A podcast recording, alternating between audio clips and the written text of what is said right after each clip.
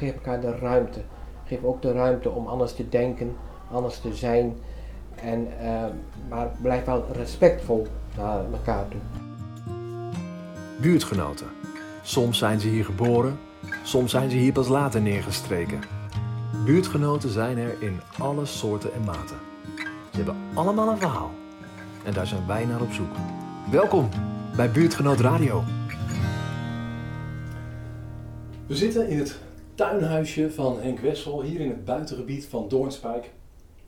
Met van die mooie glazen schuifdeuren. Hier binnen brandt zelfs een klein open haartje. En heel tevreden zit Henk Wessel daar in zijn, uh, in zijn favoriete stoel naast, uh, naast de houtmand. Ja. En je kijkt hier door die nu een beetje beregende glazen schuifdeuren prachtig over de landerijen van uh, Doornspijk eigenlijk ja. uit. Hè? Henk, leuk dat we hier te gast mogen zijn. Welkom. Dankjewel. Ja, vandaag vinden we het leuk om, om iets meer te gaan horen van uh, de mens achter de wethouder. Want we kennen je natuurlijk als wethouder hier in de gemeente, gemeente Elburg al 22 jaar aaneengesloten vervul je die functie. Daarmee ben je op dit moment uh, samen met twee anderen uh, zelfs de langst zittende wethouder. Dat is toch een mooie prestatie. Ja, dan weet ik of het een prestatie is, maar het is een feit. Ja. Je zou niet zeggen, daar ben ik trots op. Nee, nee dat zou ik niet zeggen. Dat is jouw nee. vocabulaire niet, denk ik, hè? Nee, nee, nee. dat vind ik, vind ik ook raar. Maar zou je zeggen, ik ben er blij mee? Nou, ik kijk, ik kijk er wel van op. Oh, ik ben er ook blij mee. Ik bedoel, uh, het, het, is een prachtige baan. Uh, ik heb al heel veel mogen doen in al die jaren. Dingen die heel goed gegaan zijn, dingen die minder goed gegaan zijn. Maar altijd met mensen bezig. Dus ja. ik moet eerlijk zeggen, dat wethouderschap, dat is ook een beetje in je gaan zitten. Je kunt ervan genieten. Ik geniet ervan. Ja, ja. Nou, dat is wel heel mooi. In dit interview gaan we een klein beetje over dat wethouderschap praten, maar wat mij betreft nog iets meer over de mens, Henk Wessel. Want we zien je natuurlijk wel vaak genoeg in de krant of we horen je ergens. Dat hoort bij je functie. Maar uh, ik word er altijd wel nieuwsgierig, uh, wie is die man? Hè? Wat heeft hij allemaal meegemaakt en wat vindt hij belangrijk? Laat horen. Dus uh, ik stel voor dat we, het, dat we dat eens gaan onderzoeken. Ik zou willen beginnen met tien heel korte, snelle vragen. En ook aan jou willen vragen, wil je er ook kort en snel op antwoorden? Ik doe mijn best, ik doe mijn best. Ja. Super. Ja. Even de toon te zetten. Ik spreek even namens jou. Ik woon in Doornspijk, maar ik zou net zo lief in een van de andere kernen van Elburg willen wonen. Nou, sowieso ga ik hier niet weg. Maar als ik weg zou gaan, dan is het Harde is een uh, kern met een hele mooie groene omgeving. En dat komt wel het eerst bij me op. Ik ben een buitenmens. En, um, maar ik zie me nog niet vertrekken uit Doornspijk. Als het dan toch moet, ja, dan, dan, wordt het... dan denk ik het eerst aan het. Harde. Ja, vanwege het groene karakter. Juist. Ik zeg weer even namens jou, mijn favoriete bezigheid in mijn vrije tijd is... Ik uh, ben eigenlijk altijd buiten het huis. Ons werk is binnen. In de avonduren, de vergaderingen binnen. En als ik uh, vrije uren heb bij huis, dan ben ik eigenlijk buiten aan het werken in de tuin. Of bezig met de kippen. Je kunnen de luisteraars niet zien, maar jij kunt ze wel zien. Um, dus ja, en je ziet, ik heb hier nog wel wat werk. En uh, ik breng uh, de meeste uurtjes uh, hier door in de tuin. Ja, ja, als we hier naar buiten kijken, inderdaad, een van de eerste dingen die we zien is een prachtig kippenhok met een stuk of zes, zeven mooie kippen. Ja. En daarnaast ligt een, een aardappelveldje. Er zitten nog aardappelen in en er zit wat boerenkool zit er net in. Ja, Net in, dus dat ja. duurt nog even. Ja, en die aardappels die, die ben je nu aan het rooien, toch? Die zijn er al voor een deel uit. Dus ik hoop dat ik er tot in januari zo'n beetje mijn eigen aardappelen eet. Ja. Ja, En de kinderen natuurlijk, hè, die komen ook aardappelen halen, zo gaat dat dan. Hè? dat zal, ja. Dat kan ik me voorstellen. Ja. Um, nou, dat zijn eigenlijk al twee keer, twee keer het antwoord. Ik hou vooral van groen. Ja, absoluut. dat, dat, Ruimte de en toon is inderdaad gezet. Hey, zou jij zeggen over jezelf, ik ben een echte levensgenieter? Nee, nee, dat zou ik niet snel zeggen. Uh, en dat heeft ook wel een beetje te maken met wat voor gevoel je bij het woord levensgenieter hebt. Um, ik heb daar altijd zo'n gevoel bij van, van uh, drinken, eten en vrolijk zijn en niet te diep nadenken. Um, misschien wel fout, maar als dat de definitie is, dan ben ik dat zeker niet. Nee. Ik hou wel ontzettend van humor. En ik geniet ook heel erg van de dingen, van de kinderen, van de kleinkinderen, van mijn werk. Maar een levensgenieter, uh, dat woord, daar herken ik mij als veel uur na wat minder in. Iets te Bourgondisch. Iets te Bourgondisch, Ja. precies. Ja. Um, iemand waar je denk ik ook van geniet, hoop ik, dat is je vrouw hè? ja. Als ik je nou zou vragen, wat vind je nou de mooiste eigenschap van, uh, van haar? Ze heet Aartje, hè? Aardje, ja. Geen aard, maar aardje. Aartje, ja. Um, de mooiste eigenschap van haar is eigenlijk ook wel een valkuil van haarzelf, vind ik. Mhm. Ze eh cijfert zichzelf helemaal weg om eigenlijk dienstbaar aan anderen te zijn. En of ik dat nou ben, of de kinderen, of de kleinkinderen, of een zieke buurman of buurvrouw, dat maakt eigenlijk niet uit. Die staat altijd klaar voor Ja. je. Soms dan proberen we het wel eens een beetje, een beetje goed te temperen. En zeggen van, ik denk ook aan jezelf. Ja. Maar het is, het is wel een hele mooie eigenschap. Ik denk als eh, het, het Nederlandse volk eh, eh, die eigenschap zou hebben, dan was het een stuk rustiger en stabieler in dit land dan dat het nu soms is. Dus, luisteraars, Dus een tip. het volk kan een voorbeeld Kom eens langs. aan Ja. Ja. ja. Eh, even terug naar het werk. Zou jij ook jezelf zeggen, ik ben een echte workaholic? Nee, nee. Dat zijn voor mij het uitersten. Dat, ik vind mijn werk heel mooi. Ik geniet ervan. Ik zie het ook echt als een voorrecht dat ik dat werk doen mag en dat zo lang mag doen. Maar ik geniet ook heel erg van als de kinderen komen. De werkt, wel, kleinkinderen. jij werkt wel heel hard en heel veel volgens mij. Ja, eh, het, is een, een, een hobby waar vrij, waar vrij veel uren in gaat zitten. Nou, kijk, eh, je hebt... je, kun jij een inschatting geven van even gewoon bruto, ook met telefoontjes en dingetjes, hoeveel Ja, uur jij nou maakt per week? Ik denk dat je, dat je gemiddeld aan, aan 55 uur in de week komt. Dat zal ook wel eens meer zijn. Kijk, je bent, je, overdag is het de gewone werkdag die iedereen heeft. Hè? Van half negen tot vijf uur. En gemiddeld ben je een avond of drie in de week weg. Dat ligt eraan. Soms zijn er van half acht tot half tien een vergadering. Maar onze gemeenteraad die kennen we inmiddels ook. Dan wordt het ook nog wel eens Ja. 11 uur. Ja. Dan duurt het wat langer. Ja, maar het is niet iets wat jij met moeite doet. Nee. Dus je steekt er veel tijd in, toch zeg je, ik ben geen workaholic. Nee, nee, nee. Het is een, een manier van leven eigenlijk. Ik vind het ontzettend leuk om dat eh, dat tegen... geldt voor de meeste workaholics. Ja, nee, maar ik, het is niet, moet ik het nou zeggen, ehm, het, is, het is niet alleen het werk. Ik, ik, ik vind de kinderen geniet ik ook van. En daar nemen we ook gewoon Ja. de tijd voor en Ja. de kleinkinderen. Daar is ook tijd voor. En daar is die tijd is er ook voor. Ja. En, eh, en we combineren de dingen ook. Maar eh, ja, het is best iets waar veel eh, vrije tijd in gaat zitten. Dat is waar. Politiek vraagje. Ik, ben, ik hoop dat je niet altijd politiek gaat beantwoorden, maar je bent van algemeen belang. Ja, Stel dat die partij er niet was geweest. ja. kun je toch niet Wel- voorstellen Op eigenlijk. welke... ik, ik kan me dat echt voorstellen. Ja, Op welke partij zou je dan stemmen? Ja, dat is wel een in- ingewikkelde, want eh, het is niet voor niemendal dat Algemeen Belang opgericht is. Ehm, maar ik blijf maar dicht bij mezelf. Voor mij is het belangrijk eh, dat je politiek bedrijft vanuit een bijbelse grondslag. Dat is voor mij één. Ja, en dat betekent eigenlijk zoveel als van wat je in de Bijbel leest, dat bepaalt Dat hoe, je- je, hoe je de gemeente inricht. Dat je de, de, de, de geboden, eh, de leefregels, de leefwijze gewoon gebruikt als richting in je leven. En dat kun je niet allemaal letterlijk nemen, dat functioneert ook niet. Maar eh, da- dat is voor mij wel de grondslag de eh, principes. waar ik naar kijk van, kan ik daar voor mij lijnen uithalen als er ergens iets over besloten moet worden. Ja. Of wat je visie is. Ja. Dat, dat is één kant van wie ik ben. dus dat wordt dan ChristenUnie of SGP, denk ik. En nou komt de andere kant, Wijnand. Ehm, de andere kant is dat ik eh, vrij zakelijk van aard ben. Mijn vader was boer, dus het, het ondernemer zijn zit toch een beetje in de genen. En eh, wat dat betreft is dat ehm, voor mij de tweede belangrijke onderbouwing van mijn politiek zijn. Dus Dat past- dat zijn eh, en zakelijk Dat zijn. past heel goed bij SGP, denk ik, wat je nu zegt. Het principiële misschien wel, hoewel ik wel vind dat die... Zakelijke toch ook wel? Ja, ik vind de SGP, als het om, om principes gaat, wel eens een beetje extreem. Oh, ja. Kijk, ik ben een verenigingsman. De muziek, eh, de voetbal, eh, kunstgrasvelden, dat moet allemaal goed voor elkaar zijn. En eh, nou, dat is denk ik niet het grootste item, het speerpunt wat bij de SGP in het verkiezingsprogramma staat. Ehm, ik, maar dat is ook niet zakelijk en dat is ook niet de Bijbelse grondslag waar je het net over hebt. Nee, maar het is meer, je vindt eigenlijk dus gewoon de gemeenschapjes De binnen gemeenschap, heel ja. belangrijk. Maar goed, ik probeer een soort, soort duiding te geven hè, waar, waar, waar de structuur dan zit. Dan zeg ik nou, bij grondslag, maar een zakelijke inslag. Dat is eh, voor mij wel belangrijk, dus principieel en zakelijk.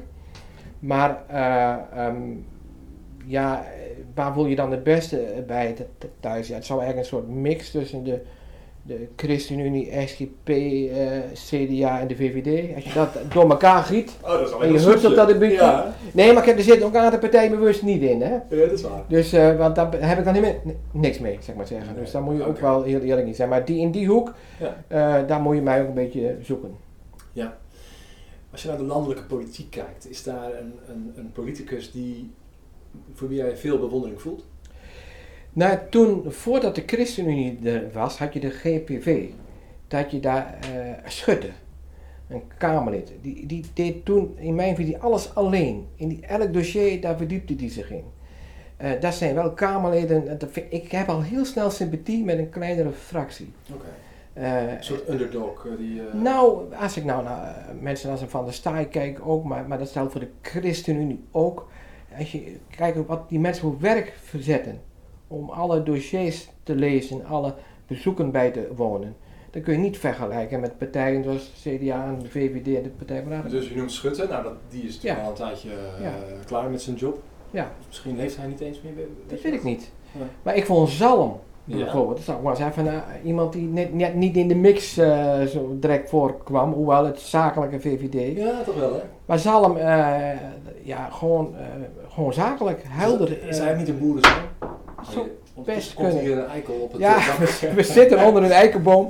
Dus nu en dan valt er de eikel naar beneden. Ja. Nee, maar eh, dat spreekt me wel erg, erg aan. Gewoon eh, doen wat je zegt en, en, en, en eh, geld uitgeven wat je niet hebt. Ja, daar kan niemand. Iets van de zuinigheid van Zalm, die sprak je eigenlijk aan. Ook wel de zuinigheid, als ik zie wat hij in Europa destijds heeft gedaan. Om toch ook daar eh, het begrotingstekort eh, heel, Ja. Elke keer op de agenda te zetten. En ik denk, nou man, Ja. dat heb je heel goed gedaan. Heel andere vraag. Dit boek ben ik nu aan het lezen. Hendrik Groen. Hendrik Eh, Groen. Hendrik Groen. Oh, Hendrik Groen. Dat is een boek. Het, het, het eh, dagboek. Ja, het dagboek. Ja. Die beschrijft eh, als bewoner van een bejaardenhuis ja. wat er dagelijks allemaal om hem heen gebeurt. En dat is, iedere dag beschrijft hij dat. En daar zitten heel verdrietige dingen in. Want ouder worden is ook afscheid nemen. ja. Er zitten ook heel, heel, eh, heel eh, grappige dingen in. Hoe, eh, Er is ook een televisieserie van gemaakt. ja, ja, ja, ja, daar doet André van Duin volgens mij ook Ja. de- een belangrijke rol in. ook. Maar dat vind ik wel, dat houdt onze spiegel ook wel voor. Van hoe hoe dus je kijken we het nou wel met plezier, dit boek. Ja, ja, ja. Je leert er ook nog wat van. Je leert er ook nog wat van. Maar we hebben, daarvoor heb ik een boek van Nelson Mandela gelezen over zijn hele geschiedenis eh, en zijn rol die hij in Afrika heeft gespeeld. Dus dat toch weer iets politiek. Ja. Dus er zit ook wel iets onder. Ja, je leest verschillende dingen. Ja. ja. Hey, terug naar de politiek weer, deze vraag. Ehm, een politicus moet weten wanneer zijn houdbaarheidsdatum is verstreken. Ja, dat is een lastig hè. Ik vind het zelf ook wel, want eh, je probeert, eh, nou in mijn geval zit je dan 22 jaar in de politiek. Ehm, en wat is nou je maatstaf? Ik stel me die vraag met regelmaat, dus mensen hoeven geen zorgen te hebben of ik mij die vraag ook voorhoud. Alleen of men altijd tevreden is met het antwoord, dat weet ik natuurlijk niet. Kijk, uiteindelijk gaat het vooral om de kiezer. De kiezer beoordeelt één keer in de vier jaar of die eh, jou nog wil of niet. Dat, dat staat voor mij zo duidelijk als wat. Het tweede is, je moet het ook leuk vinden zelf. En ik ga met enthousiasme naar mijn werk toe. En ik merk dat eh, nou, de politiek eh, is anders geworden door de jaren heen. Is scherper geworden. Maar ik hou van mensen. En er kunnen burgers zijn. En er kunnen aannemers zijn. Maar er zijn ook raadsleden. Dus het hele spel in de raad, daar geniet ik ook wel van. Dus eh, ik, ik, ik ehm, krijg daar ook energie van. Ja, dit klinkt alsof je nog lang niet klaar bent. Als ik Dus zo als hoor. ik dan naar haalbaarheid ligt. kijk, als het aan mij ligt, Ja, vanaf de andere kant, als de kiezer een andere keuze maakt, de politiek maakt een andere keuze, dan is dat ook de werkelijkheid van dat moment. Hè? ja, en ben je niet bang dat je eventueel, dat het misschien een blinde vlek zou kunnen zijn, dat je denkt van, eh, ik vind het nog heel leuk, maar ben ik nog wel de goede man? Nou ja, weet je, eh, dat, dat is eh, altijd het lastige in de vraag, zo je die stelt over houdbaarheid. Want de kiezer noemde ik al, Ja, het leuk vinden noemde ik al. Maar wat is dan verder nog je maatstaf? Hè? ja. Hoe leid je dat af? Ik hoor een beetje terug dat je zegt van, als, ik, als er weer straks bij een volgende verkiezingen eh, voldoende stemmen op mij komen, dan zou ik het, eh, zo, zo je in goede gezondheid en alles bent, zou je het weer doen. Ik zou heel graag nog een periode doorgaan. En ik zou ook heel graag nog dingen afmaken die nu niet gelukt zijn. Ik hoop dat we weer in een andere periode Oké, nog daar komen we straks even op. komen. Ja, is goed. Interessant, dus je zegt heel duidelijk, ik zou graag willen doorgaan. Ja, ja. En je zegt ook, ik zou bepaalde dingen nog heel graag willen afmaken. Nou, daar ben ik straks wel even heel benieuwd naar. Even de laatste van deze snelle vragenronde. Die is weer wat persoonlijker vanuit. Als ik iets aan mezelf mocht veranderen, dan zou het dit zijn. Nou, soms zou je wel willen eh, dat ik iets meer geduld had. Want ik eh, ben minder van de visionaire zaken. Dat is in de politiek soms wel lastig. Sommige mensen kunnen jaren discussiëren over een visie en er gebeurt dan nooit wat. Ik kan er helemaal niet tegen. Dus ik ben wel een beetje iemand die wel wat realiseren wil. En dat maakt soms ook wel eens dat je wat ongeduldig bent. Dat het soms om wat lange termijn dingetjes gaat. Er zijn in de politiek legio voorbeelden. Ik denk dat duurt allemaal zo moeilijk en zo lang. En dat Echt begrijp ik dan wel. Echt heel ongeduldig kun je eigenlijk niet zijn hè, als je dit al Nee, 22 maar jaar ik merk gewoon dat me dat wel moeite kost. Dan haal ik adem om weer uit te leggen. Neemt ook dat toe? Ontstaat er een soort drang van het moet nu wel een keer gaan gebeuren of, of eh, bij dingen? Nou, want ik wissel het soms wel af. Ik merk wel als ik een aantal dingen in mijn portefeuille heb die gewoon per definitie langdurig zijn, dan is wel de kunst om ook een aantal dingen in jouw portefeuille te krijgen die wat sneller kunnen afgewikkeld worden. Omdat je zelf ook gemotiveerd moet blijven. Hm. Maar ja, de wereld van bestemmingsplannen en bezwaar maken en, en dat is in dit land wel erg doorgeschoten. Ja. Ik vind ook de inspraak overigens, die daar debeten is erg doorgeschoten. Oh ja. hey, dat is ook wel even een politiek eh, statementje. Want dat is toch wel eh, de, Kost weg, tijd, hè? de weg die we met elkaar over het algemeen meer en meer gaan. Ja, het wordt steeds meer. Dat is Burger, precies wat jij eh, zegt. Inspraak. Inspraak is maar heel, vindt heel maar een goed. vertragende factor. Ik denk, nee, ik, ik denk dat we, het, als ik nu, iemand maakt eh, een bestemmingsplan met allerlei inspraak en burgerparticipatie daarbij, dan is er één bewoner is het er niet mee eens. Je kan naar de commissie bezwaar en beroep toe. Ja, Die kan naar de Ja, rechtbank toe in Zutphen. Die kan naar de Hoge Raad toe, die kan Ja. dat drie, vier jaar ophouden en dat doet hij soms lachend, alleen maar vanwege het oponthoud. Ja, ja. En dan zeg ik, dat is wel jammer. Ja. Dat kost ons veel energie en En tijd. dat, dat ga je natuurlijk ook steeds zwaarder ervaren als je het lang doet. Ja. Dat is minder leuk. Dit waren de snelle vragen. Nou, viel toch best mee. Dat hebben we redelijk weten te doen. Ehm, ik wil nu naar een paar blokjes. En het eerste blokje zou wat mij betreft een persoonlijke eh, vragen, een aantal vragen zijn. Die, die gaan over jouw kindertijd. Ik ben wel benieuwd hoe is het leven van Henk Wessel begonnen. En zou jij eens in een paar zinnen kunnen typeren eh, hoe jij als kind was? Ik ben eh, geboren in de woning waar ik nu ook woon. Dit is mijn ouderlijk huis. Mijn ouders hebben altijd een boerderij gehad. Dus ik ben op de boerderij geboren hier. Ik ben ook op de boerderij opgegroeid. En hier naar het dorp in Doornspijk naar school gegaan. En naar de kerk en de catechisatie. Dus ik ben een Doornspijker, geboren en getogen. Nou. Eh, dus ehm, dat maakt ook wel een beetje dat verhuizen, waar we het net over hadden, eh, niet eenvoudig is. Je zit toch een beetje vast aan de gemeenschap waar je bij hoort. Ja. Als ik naar mijn jeugd kijk, ja. dan kan ik niet anders zeggen dat, dat, dat ik een zorgeloze jeugd gehad heb. Ik bedoel, eh, we hadden altijd de ruimte hier. We werkten op de boerderij ook mee. We hadden als kinderen ook wel allemaal een stukje eigen verantwoordelijkheid. Ja. Eh, gewoon samen gewoon een taak. Wat, was jouw, wat was jouw typische jobje? Nou, we hadden wat schapen, die moesten gevoerd worden. We hadden wat kalveren, die moesten verzorgd worden. Al naar lang de Jij zat leeftijd. als jongen zat je met lammetjes eh, melk te geven op je schoot. Ja, nou ja, dat, dat, deden meestal de, de, de oudere schapen. Maar eh, zorgen dat, er, eh, dat er, eh, de, de, eh, de schapen op, op tijd hun water hadden en hun brokjes hadden. En dat de kalven op tijd hun melk hadden. En dus we, we werkten wel mee. ja. En eh, ehm, Had je veel broers en zussen of überhaupt broers en eh, zussen? wij eh, hadden, hebben een gezin met vier jongens. Dus ik ben de een van die vier. Ik ben de jongste. jongste. En achteraan komen zeg maar ook nog Ja. tien jaar later. Ja. Dus ik had het gevoel dat ik heel veel vaders had. Dus als ik s'avonds een keer later weer wilde komen, moest ik het en aan mijn vader en moeder vragen. Ja. Maar de oudere broers hadden er ook een mening over. ja. Dus dat heb ik, dat, dat, En was je ook een beetje zo'n typisch eh, laatste kind, die wat meer voor elkaar krijgt dan, eh, dan anderen? nou dat denk ik wel. In die zin, ehm, kijk mijn ouders moesten altijd hard werken. Dit boerenleven, dat was gewoon geen, geen hele goede welvaart. En eh, toen ik geboren ben, toen was de tijd al wat makkelijker. Ik ben in 1962 geboren en mijn broer is in 52. Dus eh, de mensen hadden het ook makkelijker. Dus, eh, en als je dan alleen nog in huis bent, dan word je wel wat meer verwend dan anderen. Ja. Eh, Er was, wa- waren meer Maar toen mogelijkheden jongens, ook. Toen die jongens nog in huis waren, het zaten allemaal de ene, de, de, de, de ene, ene jongste zat op, gewoon misschien een paar jaar boven jou, of was die echt een stukje ouder? Nee, ik ben echt eh, ongeveer tien jaar jonger Oh, dan de anderen.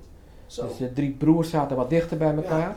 En, eh, Hoe zou je dan je rol kernachtig omschrijven in, in, in het gezin? Nou ja, ik heb het gevoel dat je wel, wel heel veel vaders had. Maar Ja, ik heb ook rol? wel de, de- de- Nou ja, een, een, een, een, een- we hebben eigenlijk altijd alles gehad wat we wilden hebben. Dus je had eigenlijk een hele vrije rol. Ik had een hele vrije Ook al had je rol. wel taakjes. Ja, we hadden wel taken. Maar eh, ja, er was heel veel ruimte. Ja. Had En je vriendjes? hele- Speelde je, of was je eigenlijk altijd eh, hier vooral? Of, of had je ook wel vriendjes? Nou ja, kijk, als ik nu, ja, dan kun, je- kun je, als je naar de radio luistert, kun je dat niet zien. Maar eh, het eerste huis is hier best, eh, denk ik, een, een, eh, een, een kilometer vandaan. Eh daar woonde mijn eh, kameraadje, daar speelde ik mee. Dus ja, onze buren is natuurlijk wel een ander begrip als je in het Ja. buitengebied woont, Ja. als dat je in een woonwijk zit. Ja. Maar nee, we hadden, eh, en er waren eigenlijk ook allemaal eh, boerenjongens. Ja. En die hadden ook, moesten eerst, het werk moest eerst gedaan worden, ook Ja. als je elf was en daarna ging je spelen. Ja. Hutten bouwen in het weiland en vlotten bouwen Ja. en over de beken varen. Dus eh, hier zitten heel veel houtsingels. Ja. Nou, we hebben grote boomhutten gemaakt, dus Was altijd buiten. Altijd buiten ook Altijd al, buiten. Ja. Dat is wel een rode draad. Niet achter de, de intertoys of de laptops of, of de, de- Nee, dat was ook geen optie in die tijd Nee, natuurlijk. Maar, ehm, ja, klinkt wel als een, als een hele vrije, zorgeloze jeugd. Was er, is er ook ergens misschien een keer een ervaring geweest je zegt, dat was eigenlijk best wel een voor mij belangrijke gebeurtenis. Of dat heeft wel, wel, wel impact gehad in mijn leven. Ja, nou weet je, eh, wa- wat je allemaal wel krijgt, denk als je jonger bent en ook als je ouder bent. Eh, opa en oma, die wonen hier ook bij in. Ja. Eh, dat, dat had je vroeger, hè? de Mhm. boerderij en de ouders van één, die wonen er ook weer in. Ik weet nog toen, ik heb mijn opa niet gekend, maar toen mijn oma overleed, eh, dat, dat was het, het als kind, hè? Het eerste overlijden waar je heel dichtbij meemaakt. En dat was ook een soort, ja, die at bij ons mee aan tafel. Ja, was een huisgenoot. gezinslid, een huisgenoot. Ja. Ja, dat, dat, dat soort dingen, dat, dat, dat voelt wel, er kunnen mensen zich nu bijna niet meer voorstellen. Want heel veel oudere mensen wonen in een bejaardenhuis of in een seniorenwoning. Maar het was gewoon een soort gezinslid. ehm, maar echt gebeurtenissen die in negatieve zin mij hebben eh, eh, nog getekend. Nee, ik, ik kan echt zeggen dat we een hele zorgeloze jeugd gehad hebben.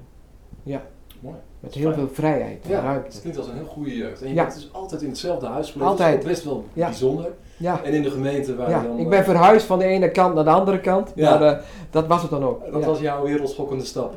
Dat was alles. Ja. ja. Mooi. Dus gaan we even terug naar, een, naar het werk. En daarbij wil ik even juist in de hele nabije geschiedenis eh, blijven. Onlangs kwam eh, Elburg eh, flink in eh, eh, de landelijke pers. Ja. Het ging over eh, de, de zondagsrust, slash zondagsopening van, van winkels. Ja. Weet dat het niet helemaal eh, jouw eh, portefeuille is als, eh, als wethouder, maar ik ben toch benieuwd als, als zo'n ervaren politicus in onze gemeente hoe, hoe jij die situatie hebt beleefd. En misschien eerst eventjes van, hoe zou jij nou kort, ja dan gaan we eigenlijk als weer, de wind die trekt aan en we krijgen af en toe een en ander op ons dak. Ehm, hoe zou je analyseren van wat is nou even in een paar regels, wat, wat, wat is nou eigenlijk gebeurd? Ja, eh, wat, ik, wat mij daarvan van, van, ehm, bijgebleven is, is dat sommige dingen ook wat escaleren op het, omdat het moment ook wel heel erg problematisch was. Die discussie over winkelopening is al heel oud in Elburg. Daar moet ik ook eerlijk in zijn. En dat een meerderheid van de politiek niet voor winkelopening is op zondag, daar moeten we ook niet raar van opkijken. Dat is al jaren zo. Dat wisten we. Dat wisten de ondernemers ook. De emotie was natuurlijk ook wel dat door de, door de crisis eh, er, er hele slechte omzetcijfers voor de winkeliers waren. Ja, want we waren een maandje in de crisis of zo, hè? Ja, maanden, een week of vier of, of zes dat de Ja. coronacrisis was. Dus de, de, er werd minder verkocht dan anders. Dus er waren ook ondernemers die heel veel zorgen hebben hadden, maar ook nog hebben. Mhm. Ehm, en de discussie om winkel open. Dus, ehm, dus het is aan de ene kant eh, was het het moment wat het extra scherp gemaakt heeft. Jouw omzet gaat naar beneden en je wilt graag meer dagen open zijn. Ja. Die discussie speelde er wat. Ja. Maar wat naar mijn gevoel nog veel meer speelt, en dat is toch wel wat je in de hele wereld een beetje ziet. Het lijkt wel alsof we met elkaar het begrip voor elkaar ook wat kwijt zijn geraakt. Mhm. Ehm, de, het, het heeft toch een stukje verwijdering gegeven. En dat, dat doet mij wel zeer. Want ik vind het wel, wel eh, dat je in dit land een mening mag hebben. eh, zonder dat je die direct heel scherp eh veroordelend bent naar wie dan ook. En dat heb ik wel Ik vond de toon erg scherp worden. erg scherp. Ik Ja. vond het erg scherp. Maar En kant- daardoor luister je ook niet naar elkaar. want mensen die voorstander zijn, die echt problemen hebben met een winkel draaiende te houden. Maar ook mensen, en daar voel ik mij ook het beste gewoon in thuis, die principieel geen ruimte zien om die zondag een normale werkdag van te maken. Ja. Dat zit heel diep. Ja, Eh, dat zit in je hart. ja. En dat is natuurlijk moeilijk om die twee werelden soms aan elkaar uit te leggen. En dat begrip, het gesprek, dat heb ik wel gemist. Oké, want het was er vrij plotseling ook. Op zich is dit gesprek natuurlijk al heel lang, maar, de, maar, de, maar het vuur in de discussie was misschien vrij plotseling. Nou, ik denk dat door de coronacrisis, eh maar kijk, want dat die winkeltijden weer herzien moest worden, dat stond op de agenda. Ja. Dat wist iedereen. Ja, En iedereen wist ook dat er een meerderheid in de raad niet voor winkelopening was. Dat wist eigenlijk ook iedereen. Dat wisten de ondernemers dus ook. Puur qua democratisch proces is het, is, het, is het natuurlijk heel helder hoe het loopt. Ja, dat denk ik Maar wel. dan komt daar natuurlijk nog wel een soort gesprek na, of soort discussie na. Ja, nou ja, de, de scherpte.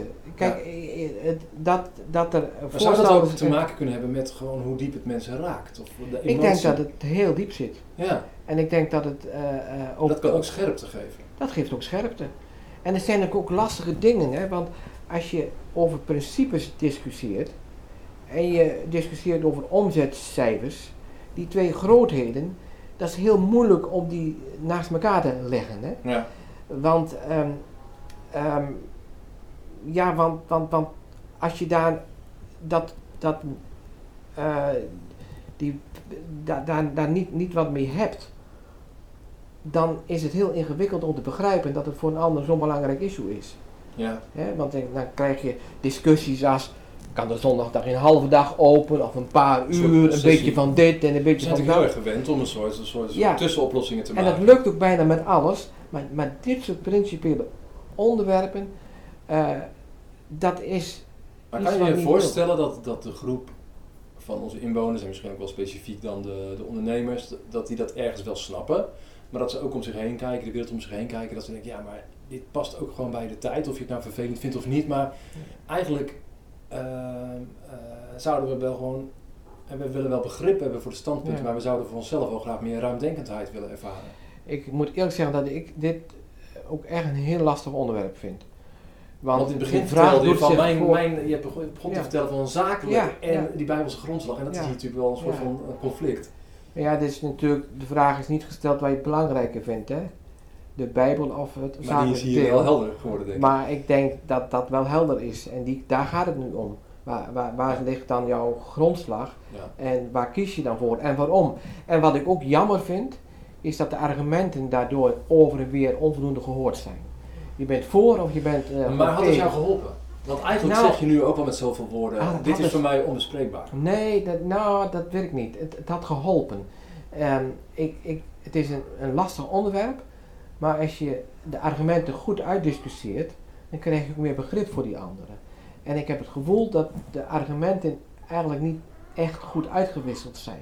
Dat er weinig eh, over en weer eh, de ruimte voor was. Het was direct zo scherp en zo heftig, Ja, voor of tegen. ja, En terwijl eh, ik denk dat je zult maar ondernemer zijn. Ja. En je ziet ook nog dat jouw winkel zes weken lang nauwelijks omzet heeft. En dan zegt iemand anders zegt van de winkel mag niet dicht op zondag. Ja. Vanaf de andere kant is het ook niet reëel om als ondernemer heel verschrikt te doen. Want het gaat al jaren eh, op dezelfde manier. De politiek is niet veranderd.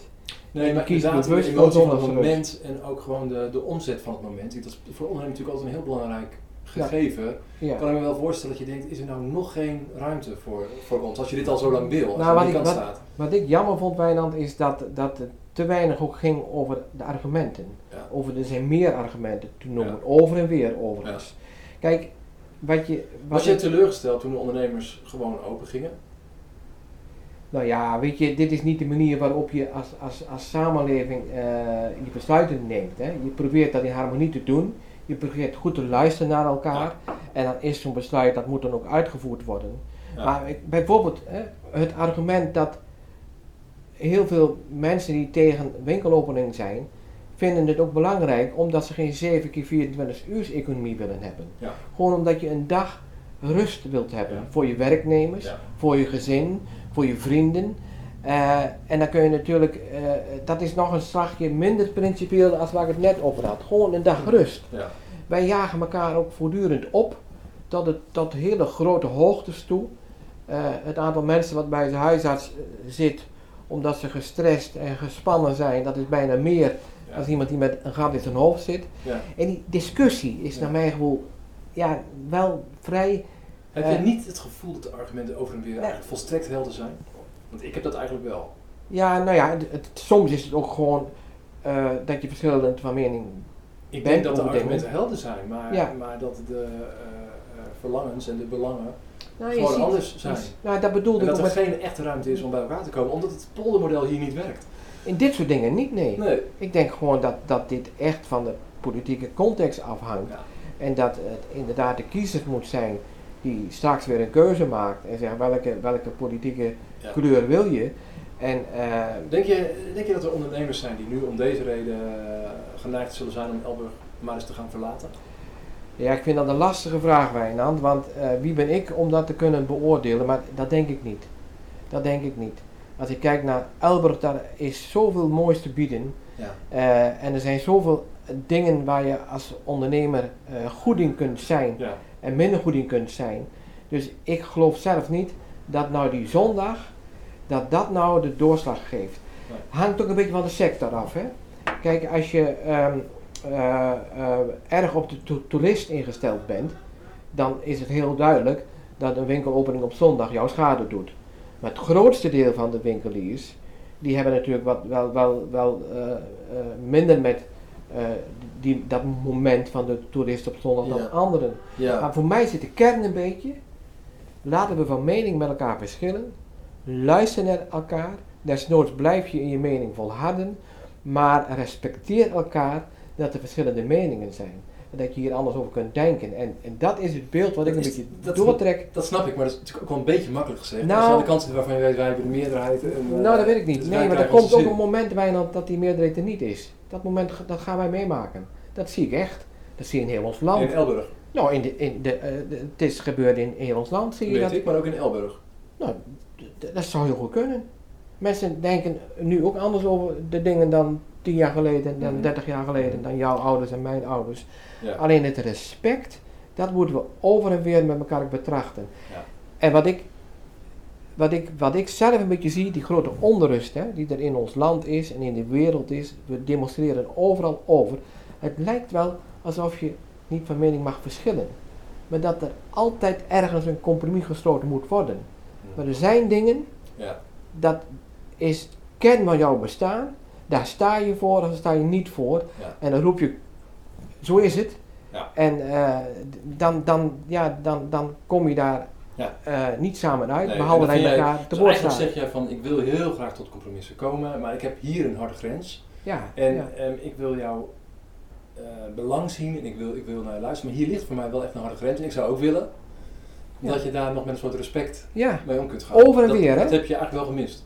Ik vind dat, dat geldt voor beide zijden. En het, ik spreek hier niet alleen voor mezelf, maar er is een grote meerderheid in de... Waarin heb je het andersom ervaren? Waarin heb je ervaren dat het eh zondags rustkamp zeg maar, geen respect had voor eh, de winkeliers Nou, die dat wel wilden? Kijk Wijnand, ik, ik ga dat eh, nu niet doen, maar als je uit die periode de sociale media zijn analyse van maakt, dan zie je dat over en weer, hè, laten we er ook duidelijk in zijn hoor. Ik bedoel dus niet alleen de voorstanders eh, of tegenstanders, iedereen, dan vind ik dat wij eh, eh, wat zorgvuldiger in ons woordgebruik moeten zijn.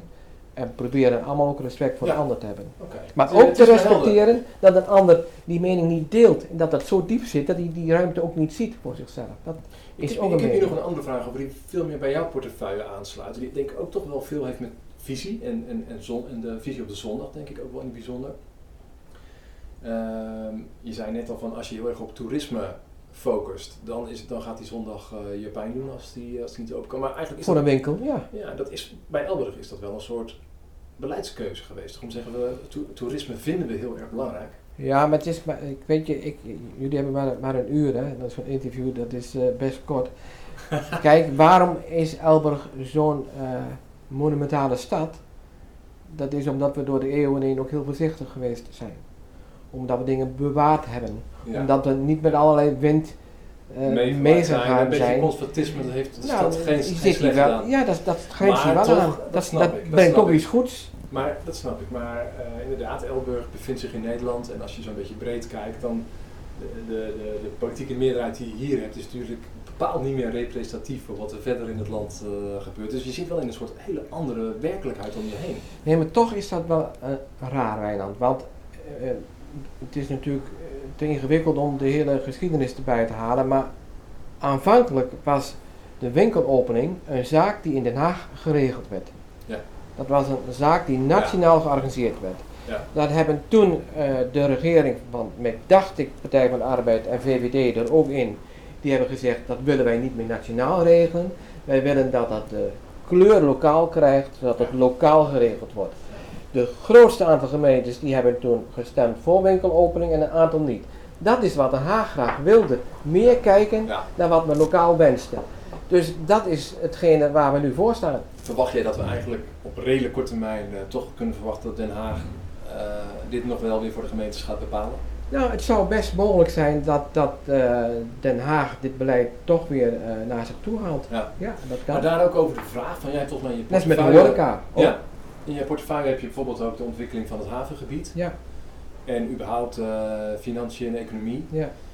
Ehm, over de hè, breder dan in Elburg zie je natuurlijk overal dat winkelcentra een ander karakter krijgen. Ja. Voor anderen dat het meer een soort, eh, ja, ze hebben daar zo'n mooi Engels woord voor, le- leisure eh, ja. plaatsen worden, meer ontspanning, meer wat beleven. Zie jij dat ook als een trend en ben je ook met me eens dat, dat het dan eigenlijk bijna niet te doen is als je op die manier Elburg zou willen profileren om dan nog met een zondagsrust te werken? Nee, ik denk eh, dat de, de trend die je in winkels ziet, heeft ook vooral te maken met de manier waarop wij ons leven ingericht hebben. Eh, we willen eh, ook s'avonds nog onze boodschap kunnen halen. Ja. En je ziet gewoon dat heel veel eh, eh, wat we vroeger in de winkel haalden, dat wordt nu via een webwinkel ingekocht. Dus mensen die winkelen zelf. Ja. Via de Nou, website, Ik, ik weet wel wat, wat, 24 wat de uur. bewegingen een beetje zijn, maar En- daarmee zie je dus dat... nee, maar daar, daar speelt de zondag geen rust, geen, geen rol in. Nee. Denk ik niet. Want de horeca, als je Ja, naar de bedoel je toerist- de veranderende rol die dat een winkelcentrum geeft, zoals bijvoorbeeld het stadje Elburg. Namelijk dat het minder van de winkels moet gaan afhangen en meer van wat je er kunt beleven, wat je er kunt doen, hoe je kunt ontspannen. Dat dat, dat juist nog meer vraag zal geven naar Kijk, als jij als toerist komt in Elburg, dan zoek je de monumenten, dan zoek je het water, dan zoek je ook een stukje de rust. En dan zul je zien dat voor jou als toerist alle horecagelegenheden open zijn. Dus dingen die jij belangrijk als toerist vinden, die kun je bijna allemaal doen. Eh, en dan gaat het om een aantal winkels die Ja. dan niet op zondag open zijn. ja, En ik begrijp als je toeristen eh, benaderen wilt, dat je daar last van hebt. Daar moet ook duidelijk in zijn.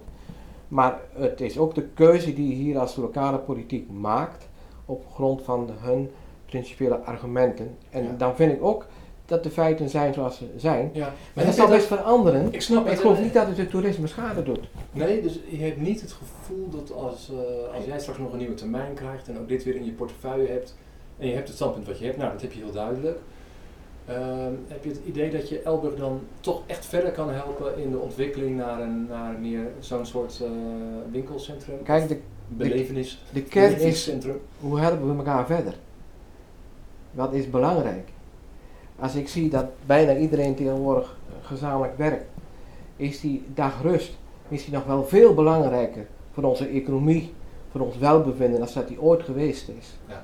Dus het is ook maar net van welk, welke, welke, welke eh, filosofie eh, schets je. Ja. Ik denk dat in de hectiek van alle dag een dag rust voor iedereen eh, nodig is. Nou, even tot slot hierover. Dus, volgens mij is het een heel helder standpunt. En, en eh, eh, je hebt net ook gezegd, we moeten meer respect voor elkaar hebben, ook als we tegen grenzen aanlopen. Dit kunnen we dus eigenlijk denk ik wel verwachten dat we dat nog wel weer eens tegen gaan komen in de, in de Dat toekomende tijd. ja. Hoe, gaan, hoe, gaan, hoe gaat het dan beter? Het, het respect hebben voor elkaar. Wat, wat kun je leren van hoe het nu gegaan is? Wat zouden we volgende keer beter kunnen doen? Nou ja, weet je, ik, ik vind dit ook altijd eh, een beetje ingewikkeld om. eh, ehm, kijk, ik ga geen, geen, geen oordeel geven over wat beter kan. Maar ik denk in algemeenheid dat we proberen moeten beter te luisteren naar elkaar en daardoor ook respect voor elkaar te hebben. Dat denk ik echt. En dat geldt niet alleen voor deze discussie. Hè. Je Nee. ziet dat overal, als je nu de discussie over de anderhalve meter maatschappij ziet, hoe scherp dat gaat.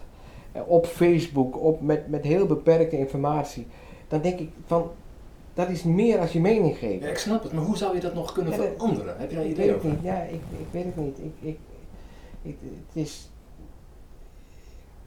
Of zie je het dan eigenlijk een zonder in qua toon van de discussie? nou, ik ben daar niet, niet, niet heel positief over. Ik, eh, ik, ik moet heel eerlijk zeggen dat ik de, door de jaren heen in heel ons land, maar in de hele wereld, die discussie zo scherp vind. Ik vind sociale media. ehm, Jij zou ze liefst afschaffen. Nee, nee, ik ben zelf ook act- actief. Het- Je komt er, nee, dat moet je niet doen. Dit is een gegeven. En daar moeten wij mee omgaan. Maar ehm, het heeft wel wat met onze omgangsvormen gedaan. Vanaf de andere kant, nou ook niet al te negatief eindigen. Of dit, dit onderdeel. Ja. Nee, maar ehm, weet je, het is ook wel weer een beperkte groep. Nou, nou ook niet het grote maken is. Een, een bepaalde groep die daar heel negatief op is op Ja. de sociale media. Ik, ik kan je een lijstje met namen geven, Ja. dat doe ik niet. Maar het zijn vaak dezelfde mensen Ja. die, die overal wat mee hebben. Alles is fout, de hele wereld is fout. De bakker is fout, de slager is fout, de kerk is fout, de politiek is fout. Het wordt allemaal beter. Weet je, het is een groep die wat ronddraait. Ja. En het grootste gros van de mensen, als ik naar de jonge mensen kijk, die zijn positief en enthousiast. En de ondernemers in Elburg zijn positief en enthousiast. En dan denk ik van, het moet ook niet zo zijn dat, nou ja, ook zo'n interview als dit alleen maar gaat over die handvol mensen die dan een beetje zuurig zijn. Ja, je kunt je afvragen of dat bij deze discussie ook weer die handvol mensen is, of dat het niet juist wat breder, eh, wat breder was dit keer. Maar laten we het hierbij laten over, eh, over het zondags eh, rustverhaal. Het is natuurlijk een, een interessante issue wat speelt in Elburg en wijsheid. Met Dank je. hoe dat verder loopt. Dank je. Ehm, ik schakel nog wel even terug nu naar ehm, iets meer van jouw persoon. We hadden het net even over de kind, Henk Wessel, het kind eh, Henk Wessel gehad. Op een gegeven moment werd het kind volwassen. Ja. Dat is hij al een heel poosje. En eh, wil je daar eens wat over vertellen? Wil je bijvoorbeeld eens iets vertellen over hoe jouw gezinssituatie nu is? Ja, nou, dat eh, wil ik wel. We hebben twee kinderen, die zijn allebei getrouwd, een dochter en een zoon. En we hebben inmiddels vier kleinkinderen. We hadden eh, vijf kinderen, kleinkinderen kunnen hebben, maar eh, eentje die is eh, al na een paar dagen overleden. Je vroeg net, wat zijn nou gebeurtenissen in jouw jeugd? Nou, Ja. daar moest ik echt naar zoeken, Ja, want mijn jeugd was alleen maar opgewekt. ja, Maar als ik naar mijn leven kijk en zeg wat zijn nou gebeurtenissen in je arbeidzame leven, dan is dat toch wel dat moment waarop je een klein meisje weer terug moet geven aan God. ja. En eh, dan merk je ook dat dat best ingewikkeld is. Je hebt verdriet om eh, je kleinkind, je hebt ook vooral verdriet om je kinderen. ja. Maar we zijn Verdriet bij je kinderen. bij je kinderen, dat Ja. doet bijna nog, nog zeerder. Hè? Ja, Eh, dat, dat schuurt. ja. En dat heeft mij ook wel veranderd in die zin dat de politiek iets is wat ik nog makkelijker dan daarvoor relativeer. Ik zit hier Ja. enthousiast en ik ga maandag weer enthousiast aan het werk. Maar ik merk wel dat er belangrijke dingen in het leven zijn dan dat. Ja. We hebben vier kleinkinderen waarvan de jongste drie weken is. En de Even, oudste even nog vier over, jaar. over dat ene kindje dat je Ja. zo snel weer los moest laten. Van, ehm, wat, wat deed het dan met jou? Als, als opa, als vader? Ja, als, opa dan. Hè. Maar weet je, je leeft daar als gezin samen naartoe. Hè? Je, je, Ja. je bent allemaal in verwachting eigenlijk. En ehm, eh, dan, dan, dan is datgene wat ja, een hoogtepunt moet zijn, dat is het dat niet. Eh, eh, dan heb je met elkaar ook verdriet. En ehm, ehm, dat brengt je ook wel weer dicht bij elkaar als gezin. Maar eh, ik denk wel dat ik heel eh, eerlijk moet zijn en zeggen, het is best ook een lastige, een lastige periode. Ik bedoel, het, het doet gewoon zeer. Ja. En eh, ehm, zit, moet ik me dan me voor te stellen Ja. hoe jij, heb je dan bij spreken hier huilend in, je, in je schuurtje gezeten? Of- nou, natuurlijk huil je samen. ja. Vanaf de andere kant probeer je er ook weer voor elkaar te zijn. Mhm. Ehm, maar het, het is, ja, het is, het is ik, heb, ik merk het nog, het is iets wat, wat impact heeft. ja. Maar vanaf de andere kant zie ik ook wel weer veel groter de grote zegeningen die je hebt in de vier kleinkinderen die Ja. er wel zijn. Ja. We hebben natuurlijk vier prachtige kleinkinderen, Ja. waarvan de jongste drie weken oud is. Nou, eh, en de oudste is eh, vier jaar. Eh. Dat is gewoon geweldig. Ja. En ehm, ehm, dus wat dat betreft hebben we alle reden om dankbaar te zijn. De dat is- voor, voor leven en gezondheid wordt Ja. misschien dan nog weer iets groter zelfs. Veel meer, Veel veel, meer, meer. ja. Je beseft gewoon dat het ook anders kan zijn. Ja. Dus hetgene wat je krijgt, dat komt veel eh, dieper naar je toe. ja. Als Zo'n positief. wond geneest dat? Of is dat iets wat een beetje eh, blijft rommelen? Ja, weet je, ehm, eh, dat, dat, dat, er zijn andere blije dingen. Die, die, die, maar het is wel iets wat, ja, dat, dat, dat geneest wel. Maar dat kost wel heel veel tijd. Ja. Ja. Ja. En dat zou ook niet, zou ook raar zijn als het niet zo was. Hè? Ik bedoel, dat is de andere kant Mhm. ervan. Als je iets, iets waarvan je hout kwijtraakt en je, en je zou daar zo, Dat denk verdient, dat verdient eigenlijk verdriet. dat vind ik wel, ja. Ja. ja. Maakt je wel, is wel, ik merk wel, eh, je maakt er zo mooi het verschil tussen je jeugd, nou, geen zorgen, Ja. en dan, nou, die, die, die scherpte waar ik het net over had, dat vind ik jammer. Dat vind ik oprecht jammer. Ja. ja. Maar in mijn persoonlijk leven is dan ja, zo'n klein meisje eh, wat dan na een paar dagen weer overlijdt, ja, dat doet wel wat met je. En dat relativeert, dat relativeert Ja. heel veel. Dat maakt je dus ook een andere vakman. Maar heel anders. heeft heel veel impact Hebben gehad. mensen dat denk je kunnen merken? Van hey, de Henk Wessel na deze gebeurtenis is iets anders. Dat weet ik niet. Ik, ik, ik, het ontspant mij wel. Ja. Want ik heb zoiets over mij, wat moet er nou in de raadzaal gebeuren Hmm. Wat ingewikkelder is als dat? Ja. Wat voor verkiezingsuitslag moet er nou komen Ja. dat mij meer raakt als dat? Ja. Dat is misschien gek dat ik het zo zeg, maar al het andere is minder. In die zin, het komt minder heftig Dus binnen, gek dus het relativeert. Kun je zo zeggen dat dit toch een waardevolle ervaring is?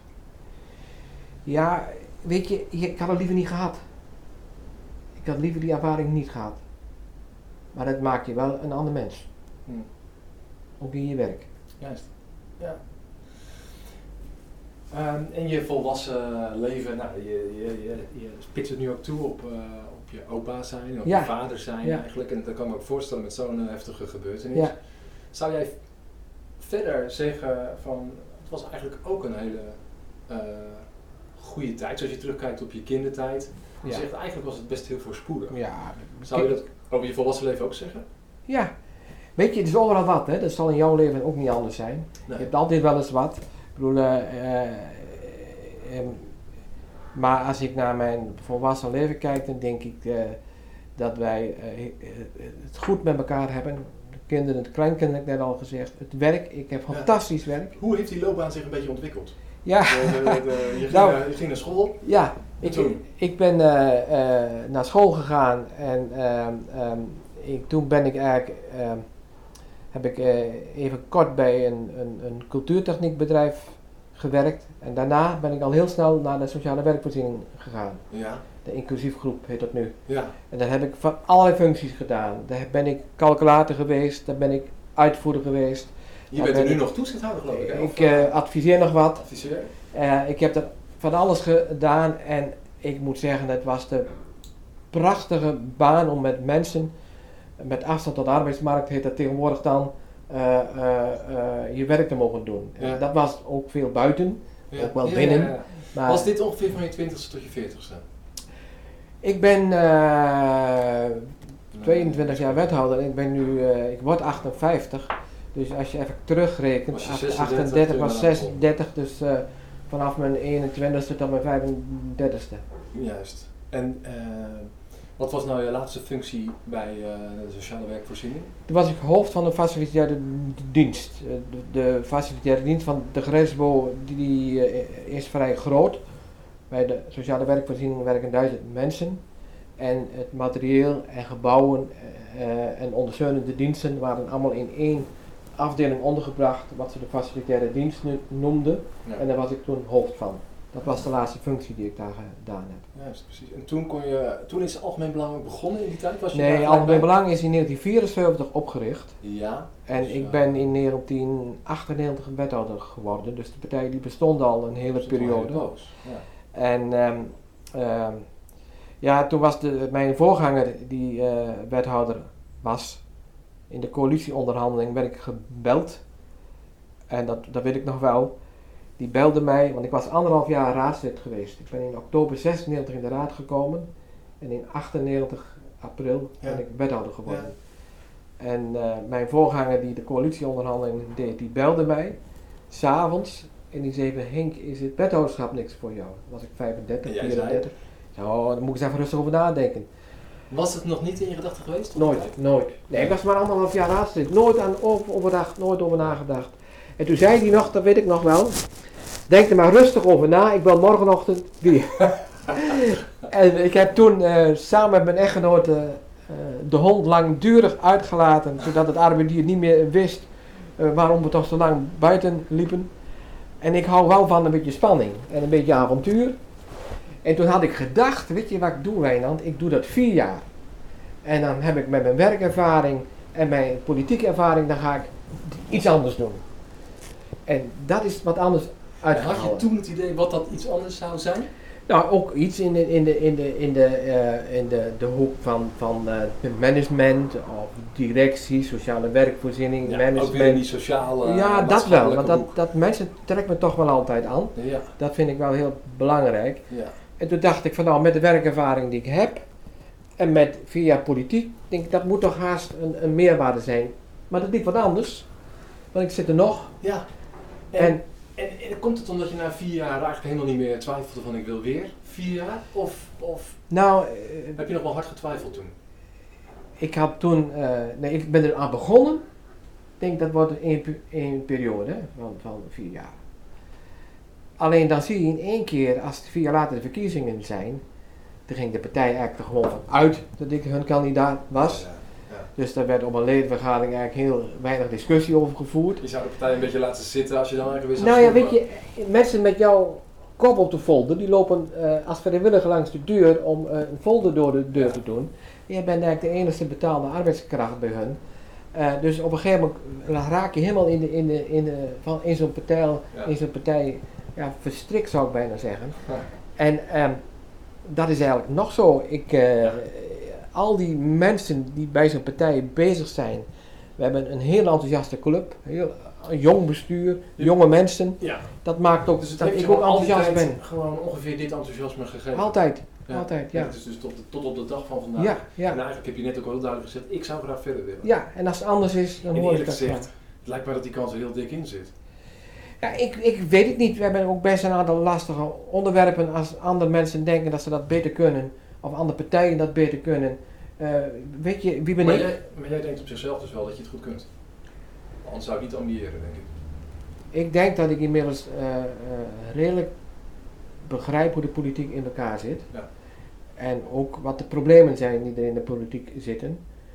Maar of je iets goed kunt of niet goed kunt, dat past niet bij de, bij, bij de houding. Is de terminologie weer. Nee, nee, Ja, dat, ja, dat moet een ander maar zeggen. Maar je ambieert het dus. ik, ik vind het leuk. Ik word er enthousiast van. Ja. Maar even andersom gevraagd, even vanuit eh, de kiezers. Zeg Ja. maar van, nou goed, we hebben dus een eh, wethouder die er al heel lang zit. Ja. Eh, die zal wel iets goed doen, hè, denk ik Ja. dan. En eerlijk gezegd, ik heb voor dit gesprek nog even een rondje gebeld langs deze en gene. Oh jee. En dan moet ik zeggen, dan is er veel waardering. Voor, voor, ik geloof ook voor je stijl en voor, en voor hoe je het, ja, gewoon hoe je het doet. Niemand zegt echt hij is over zijn houdbaarheidsdatum. Nee. Sommigen zeggen, wel lastige vraag, hè? sommigen zeggen wel van, daar zou ik toch eens over na moeten denken. Ja. Maar ze nemen het zelf niet in de mond, dus dat Nee. viel me wel op.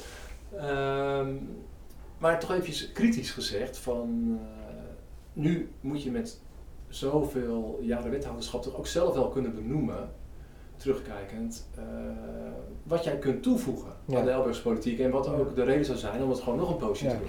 Ja, weet je, ik deed mijn best om er geen verkiezingsfolder van te maken. Maar als ik kijk naar de jaren ervaring die je hebt.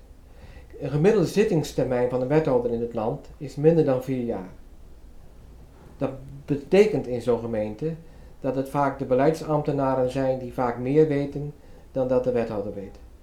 Ehm, als we het dan over een vierde macht hebben, dan vind ik dat wel een groot risico.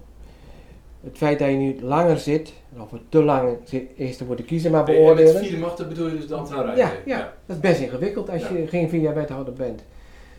Dus eh, nee, ik ga nu gewoon een rijtje voordelen op, opnoemen. hè. Zegt, eh, ik ben supergoed uh, nee, maar ik, doordat je zo lang meeloopt, ben je goed in de materie ingevoerd. Ja.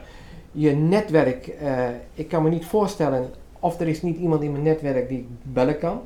Of dat nou een gedeputeerd is, of bij de provincie, of de VNG, of collega Ja. gemeentes. Ja. Eh, in mijn telefoonlijst, die is langer dan wie dan ook. Ja.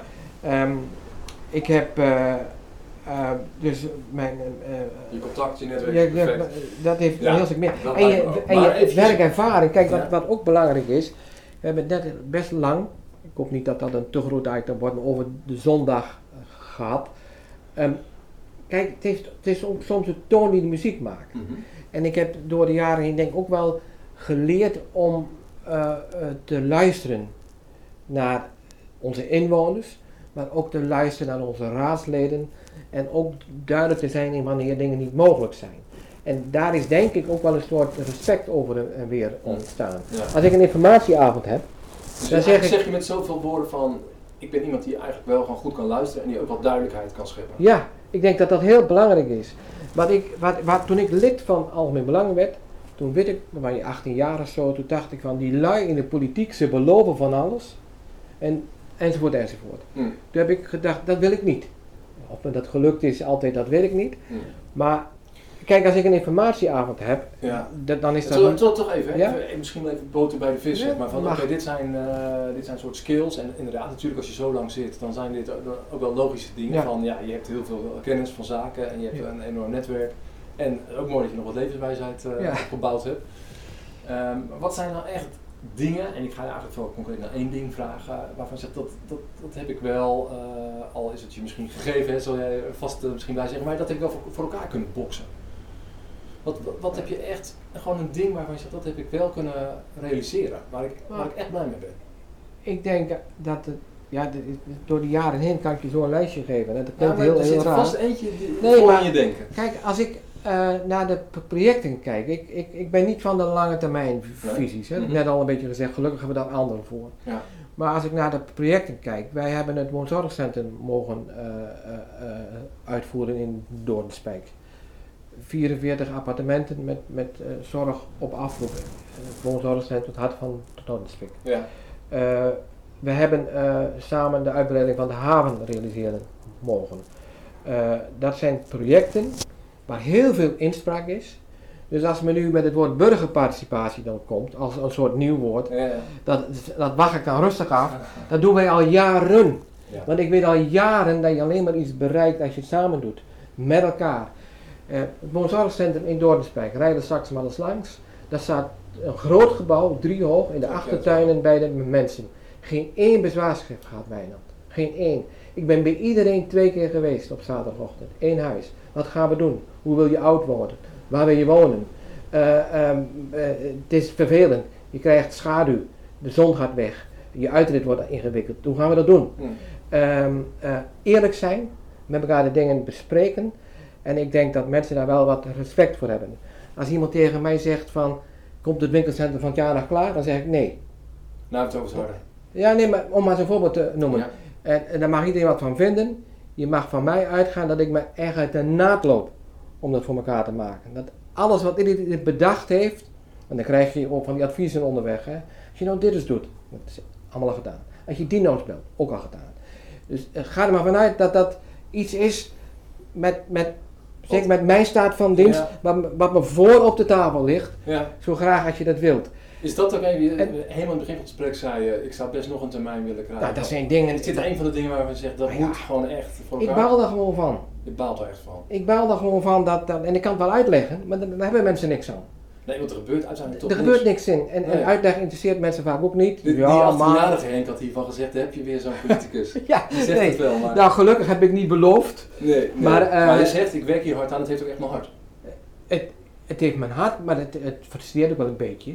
Ja. Om, omdat het gewoon, je wilt bij het graag, je wilt het ook heel erg graag. En, Ja. en het harde verdient het ook. Maar er zijn dus, als ik naar zo'n zorgcentrum kijk en zo'n haven, ja, dat zijn wel dingen eh, eh, die, die, daar ben ik best wel ja, gewoon trots op. Ja, En dat- mooi. En heb je ook het gevoel van, als ik dan nog straks een keer word gekozen, dan kan ik wat toevoegen. Nou, dat is dus op basis van de, van de, van de skills die je net eigenlijk Ja. opgezomd hebt. Maar heb je het gevoel van, hier wil ik mijn tanden inzetten en hier kan ik echt ook gewoon nog iets voor elkaar krijgen. Nou, ik denk eh, dat de, de, een gemeente van onze omvang, eh, die gaat steeds meer problemen krijgen om hun financiën op de rit te houden. Ja. Eh, ik ben ook heel nieuwsgierig wat men in Den Haag met de algemene uitkering zal doen. Want wij hebben in Aalborg gelukkig de financiën goed op orde. Maar als wij het al lastig beginnen te vinden, dan denk ik Ja. dat heel veel gemeentes. Want uh, Elburg is problemen relatief een gezonde kleine gemeente, hè? we zijn een kleinere gemeente en onze inkomsten en uitgaven zijn met elkaar in evenwicht. Maar als ik nu kijk naar het zware weer wat er aankomt, de kosten van de jeugdzorg, dat wordt steeds meer. Eh, de algemene uitkering wordt steeds minder, want er gaat steeds meer geld naar de probleemgemeenten, Ja. omdat men daar met eh, autochtonen hun zorgen heeft. En die hebben ze ook, hè. ja. Ehm, maar de plattelandsgemeenten die worden daar toch wel iets de dupe van. Dus ja, financieel denk ik dat het belangrijk is om, om met elkaar actief en alert te blijven. Een aantal projecten die nog afgemaakt moeten worden. Wat je dus eigenlijk zegt is van dat financieel stuk, dat, dat, dat, dat zou ik ook gewoon goed kunnen Ja, zorgen. ja. Het is bij Maar- mij wel een goede maar handen. ook, je merkt het ook Wijnand, en dat hoop ik ook een beetje mee te kunnen brengen met de jaren aan ervaring, daar waar het om draagvlak gaat. Hè. Ehm, daar is het ook wel belangrijk dat je een stukje ervaring meeneemt. Ja. Want je kunt wel een hoofdstuk over burgerparticipatie schrijven, Ja. maar daarmee heb je nog geen zaal voor mensen meegekregen. Zo hebben we aan het eind van dit gesprek eh, toch nog een beetje uh, zendtijd voor politieke partijen Een beetje. gehad. En eh, misschien is het ook wel eh, iets wat je langzaam maar zeker eh, een keer eh, mag hebben in een interview als je 22 jaar zit. Ja, en eh, we horen dus dat er nog ambitie is voor, eh, voor meer. We hebben een paar rollen besproken, kind, volwassen en eigenlijk kunnen we het ook nog een beetje hebben over eh, de opa. Ja, Daar heb je het ook een beetje over gehad. daar heb ik wel over gehad Daar heb hè. je het ook over gehad. Maar ook eh, los van je familie eh, heb je die status natuurlijk inmiddels ook gewoon een beetje in de gemeente. Ah, dat, dat weet ik niet. Nou, dat weet ik niet. Nou, Nee, ik snap gezegd- het best wel. gezegd, als je 22 jaar op zo'n post zit en ook nog door wil gaan, dan ben je natuurlijk echt een, een absolute oud-gediende. En ik ben wel benieuwd van iemand die die ervaring heeft, waar je net zelf ook over gesproken hebt. En dat zou mijn slotvraag zijn voor dit interview. Ehm, eh, misschien ook wel even over de politiek heen. Als je gewoon kijkt naar de gemeente, de mensen. Stel dat je ze nog eens een keer een goed advies mag geven, juist van iemand die niet meer helemaal vooraan zijn leven staat, eh, eh, met de ervaring die je, die je hebt, eh, persoonlijk en ook qua werk. Wat zou, je dan, wat zou dan echt een advies zijn waarvan jij zegt, of een raad, die jij mensen wel mee zou willen geven? Ja, ik heb het wel een beetje gezegd. Hè. Blijf dicht bij jezelf, maar geef elkaar de ruimte.